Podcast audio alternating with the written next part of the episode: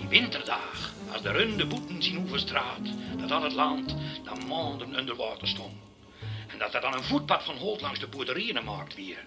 Met een wit geschilderde lening en petroleumlantaarns. Zodat het dorp heel gaar geïsoleerd was. Hendrik is ontzettend goed. Hij zou eigenlijk ook de aflevering over het boerenwerk in onze atlas moeten maken. Hoe wou je dat doen? Als hij nou zijn eigen afdeling kreeg tussen die van juffrouw Haan en die van ons in. Boerentaal en boerenwerk. Dan zou hij aan beide atlassen kunnen meewerken. Anders moet het voor ons allemaal nog eens worden overgedaan. En straks krijgen we het nog eens voor de Europese atlas. Als Hendrik een eigen afdeling heeft, dan kan hij dat ook voor zijn rekening nemen en zijn werk erop afstemmen. Denk je dat hij dat kan? Dat kan hij. Als u had gezien hoe hij met die boeren omgaat, dan zou je er niet aan twijfelen. Dan zouden we Van der Land en Buitenrust Hettema er ook bij moeten betrekken, want die interesseren zich daar ook voor. En voor de taal Weinert en Heertjes, dan hebt u een commissie met Wageningen, het museum, Nijmegen en Groningen. Ik zal er eens over denken, al ben ik bang dat mevrouw Haan bezwaar zal maken. Het gaat er toch niet om wat juffrouw Haan ervan vindt? Dan zorgt u dat zij een ander krijgt. Zij heeft er toch ook belang bij? Het gaat toch om een bureau? Als het zo eenvoudig lag, weet Hendrik hiervan? Nee. Houd het dan nog even sub rosa tot ik een beslissing heb genomen. Goed.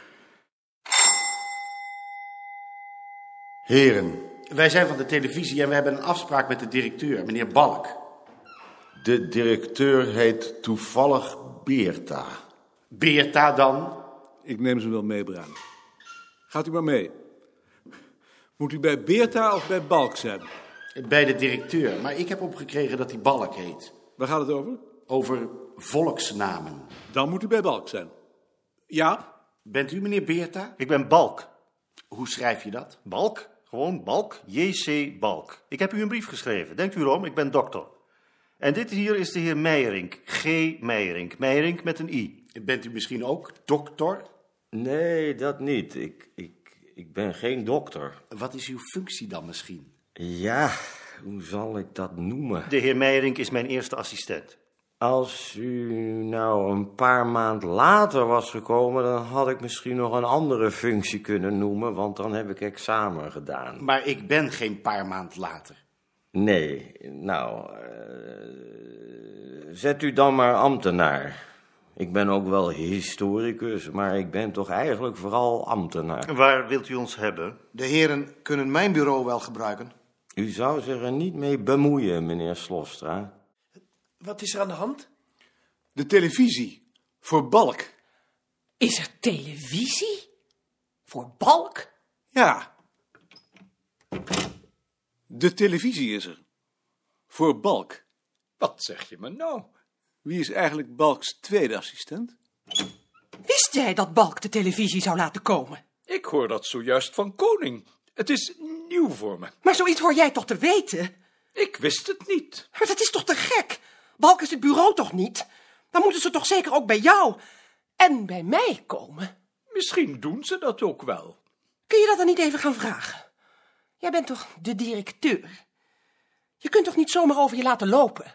Ik zal er wel even naartoe gaan. Ik wil dat ook wel eens zien. En zeg dan dat ik om twaalf uur weg moet, zodat ze voor die tijd langs moeten komen.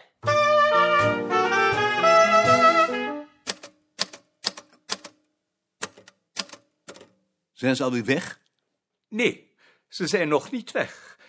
Maar merkwaardigerwijs hebben ze geen belangstelling voor mevrouw Haan.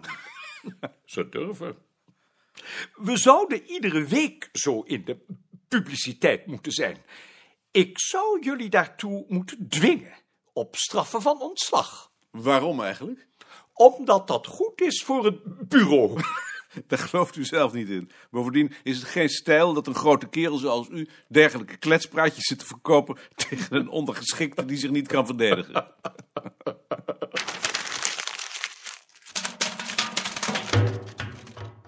Hoe was het op het museum? Als gewoonlijk. Ik heb Wiegel nog gesproken. Zo. Hij vertelde me over de moeilijkheden in zijn gezin. En hij was zeer verbaasd dat jij me daar niets over verteld hebt. In Arnhem weet iedereen het al. Ik kan me niet herinneren dat hij me dat verteld heeft. Zeer discreet van je. Wat zijn dat dan voor moeilijkheden? Nee, meneer Koning. Als u discreet bent, dan ben ik het ook.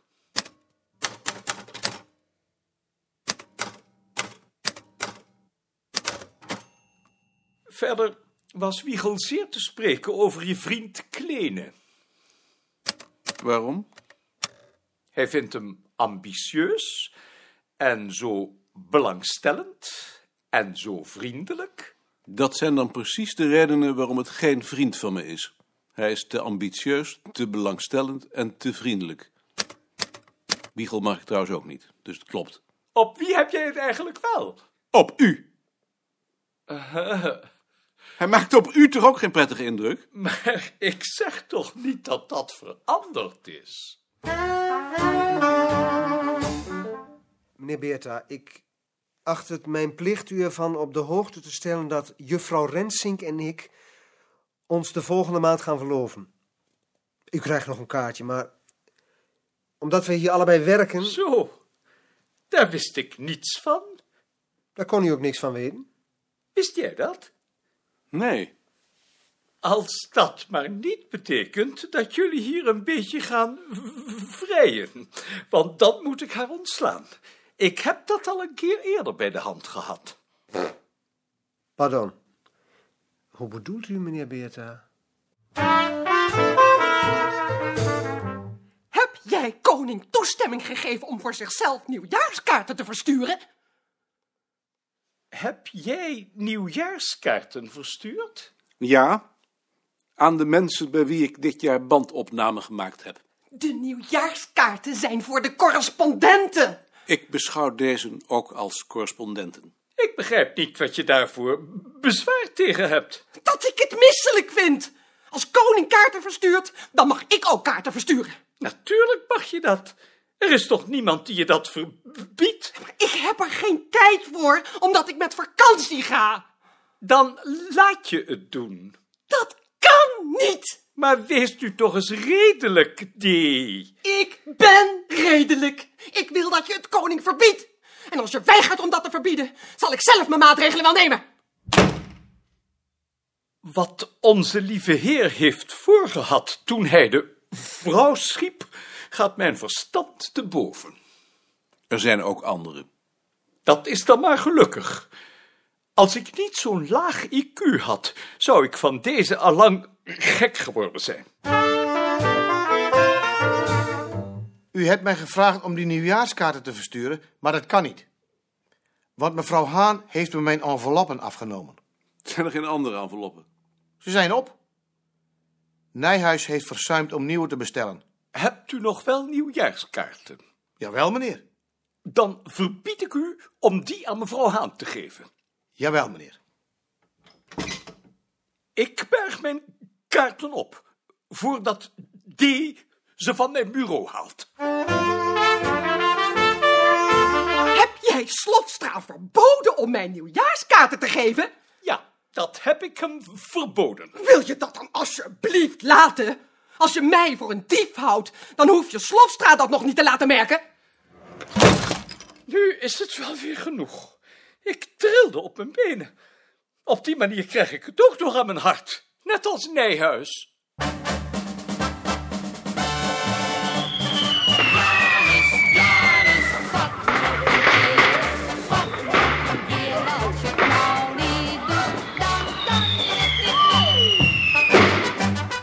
...1962. Beste Nicolien en Maarten, gelukkig nieuwjaar. Zo hoort het, met voorbehoud van elke cynische bijgedachte die onvermijdelijk is. Dat weten we al lang, Frans, stel ik me voor dat jullie zeggen. Je zult het me dus wel niet kwalijk nemen. Bovendien heb ik sinds een maand een kamer in het Amsterdamse Huis voor Arbeiders, zodat dat onderwerp ook alweer is afgehandeld. Ik ben dus uit de Valeris kliniek ontslagen. Dat wisten jullie misschien niet. Of wel, dat doet er niet toe. Wat is er nog? Er zijn alleen maar banaliteiten. Het enige contact dat ik nog met de buitenwereld heb, is het contact met dokter Van der Meer, aan wie ik elke veertien dagen een bezoek breng. Dokter Van der Meer had een kerstboom staan. Toen ik wegging, dacht ik, doen of niet doen? Doen dan maar. Ik zei, oh ja, prettige kerstdagen. Dank u wel, meneer Veen. En hij stond me vierkant uit te lachen. Waarom zet hij dan een kerstboom neer?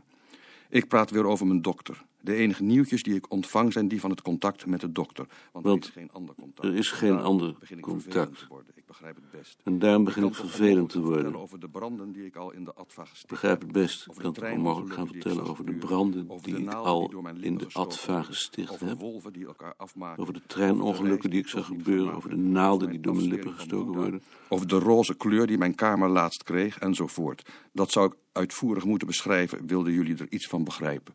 Muizen in bed, kevers in bed, kruipende larven langs de muur. En dan opeens, daar gaat de kamer met mij erin, het universum in. Daar ga ik naar God toe. Even duidelijk kijken of ik al nader. Weg, weer terug. Veel te nieuwsgierig geweest. Een kaars aansteken. Net zo lang naar de vlam kijken tot hij uit zichzelf is opgebrand. Geen nevenvuur maken. Als hij opgebrand is, dan... Daar houd ik me mee bezig terwijl ik kijk. Als er eindelijk van de kaars nog een blauw vlammetje brandt, duurt het nog een half uur. Ik herinner mij dat ik een uitvoerige beschrijving van het verschijnsel gasvlam heb gemaakt. Wat is er als de kaars uit is? Niets. Volkomen niets. Dagen achtereen lig ik op bed zonder een ogenblik te slapen. Dan zeg ik eindelijk midden in de nacht hardop, wanneer het zo stil is dat ik een trein uit Haarlem kan horen aankomen: ik word hier krankzinnig. En dan krijg ik een soortgelijke gewaarwording als toen ik vlak voor ik de kliniek inging, s'nachts een keer onderging, toen ik het stadion binnengeklommen was. Ik heb een vis doodgegooid op de stenen, maar ik heb nog nooit een spin doodgedrukt, een rups platgetrapt. Ik ben een keer over een kikker gefietst, per ongeluk, maar ik heb eens gezien hoe een paard werd gecastreerd. Ik heb toegezien terwijl het lag te zweten en te blazen en te schokken.